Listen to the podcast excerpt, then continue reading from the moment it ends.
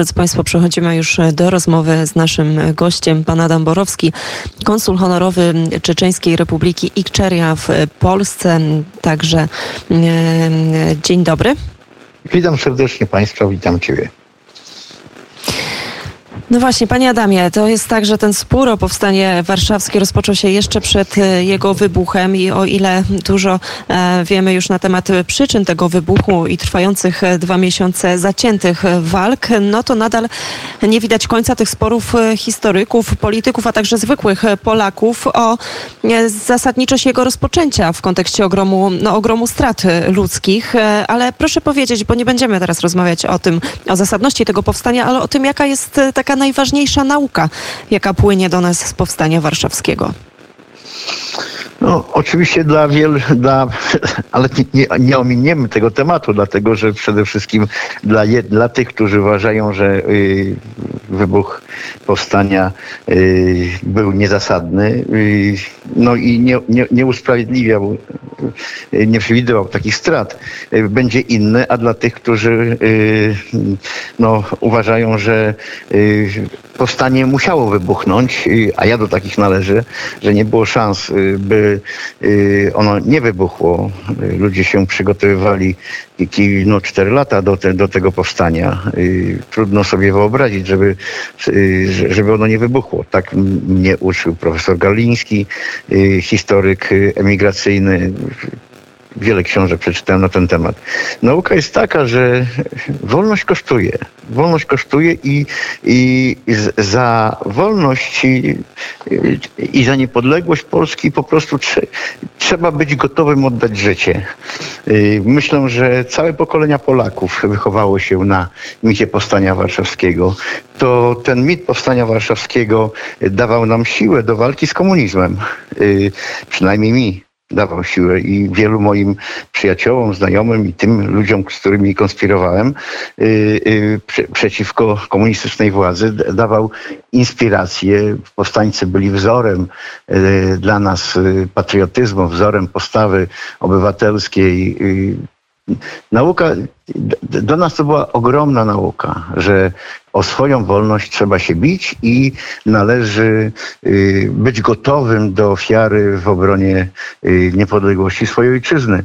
Natomiast y, myślę, że ta dyskusja, która będzie trwała jeszcze przez najbliższe 500 lat, dopóki Polska będzie istniała, o zasadność wybuchu powstania warszawskiego i myślę, że może będzie spokojniejsza wtedy, kiedy już wszyscy świadkowie wymrą i, i te pokolenia y, tuż powojenne, bo nie będzie budziła aż, aż tyle emocji. Y, czy my się zastanawiamy, czy warto było, y, żeby, żeby wybuchło powstanie listopadowe, mimo że potem nastąpiła rzeź y, Pragi, prawda, i ten straszny mord, jaki że, żołnierze rosyjscy Imperium Rosyjskiego dokonało na mieszkańcach y, y, y, warszawskiej Pragi. No, no, nie zastanawiamy się teraz, tylko czcimy tą pamięć, czcimy tych ludzi, którzy wtedy oddali życie. No i przede wszystkim podziwiamy no, powstańców, którzy odważyli się o Polskę stanąć z bronią w ręku, o niepodległość Polski. Tak, tak, tak to po prostu będzie. No właśnie, panie Adamie, przed momentem prezydent Andrzej Duda otwierał wystawę Warszawa-Mariupol. To, o czym mówił, ta główna myśl właśnie oczywiście dotyczyła tego, że dzisiaj to Ukraińcy są w podobnej sytuacji, jaką my mieliśmy 78 lat temu.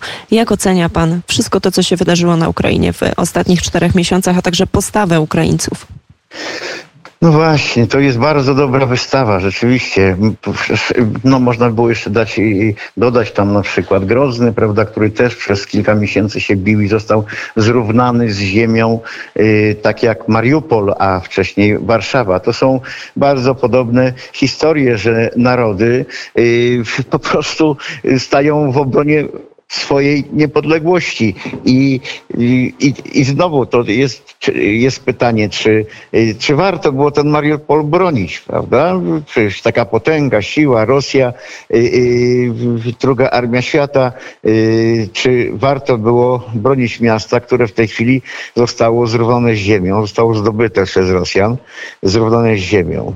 No ja uważam, że to jest właśnie świadectwo, że ten naród żyje, prawda? że ten naród jest, że ten naród jest godny swojej y, historii, swojej przyszłości. Y, gdyby tak nie było, to po prostu wielkie mocarstwa y, no by po prostu śmiało ruszały na mniejsze kraje, gdyby wiedziały, że po prostu obrońcy się nie odważą stanąć w obronie. Prawda? Czy, czy, czy w związku z tym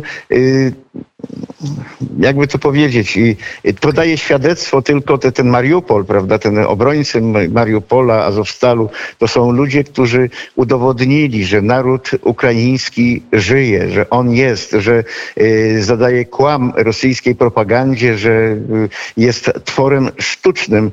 Y, ich ofiara i będą żyli w legendzie ci obrońcy Mariupola i oczywiście ludność cywilna, która poniosła ogromne straty tam, tak jak nasza ludność cywilna Warszawy, będzie żyła w legendzie i będzie budowała y, naród ukraiński. Będzie y, siłą następnych pokoleń. Będzie, y, ci, ci obrońcy będą inspirowali y, i dlatego Ukraina przetrwa. Gdyby nie było y, y, no, takich ofiar, to by to by nie było państw, prawda? To by nie było y, organizacji, to by nie było y, no, y, jednostek wojskowych, które y, no, dawały świadectwo swoim, swoim wysiłkiem zbrojnym y, swoich, swoich żołnierzy.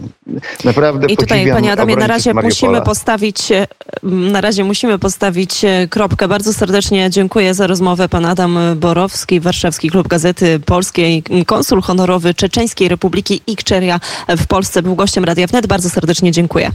Dziękuję serdecznie.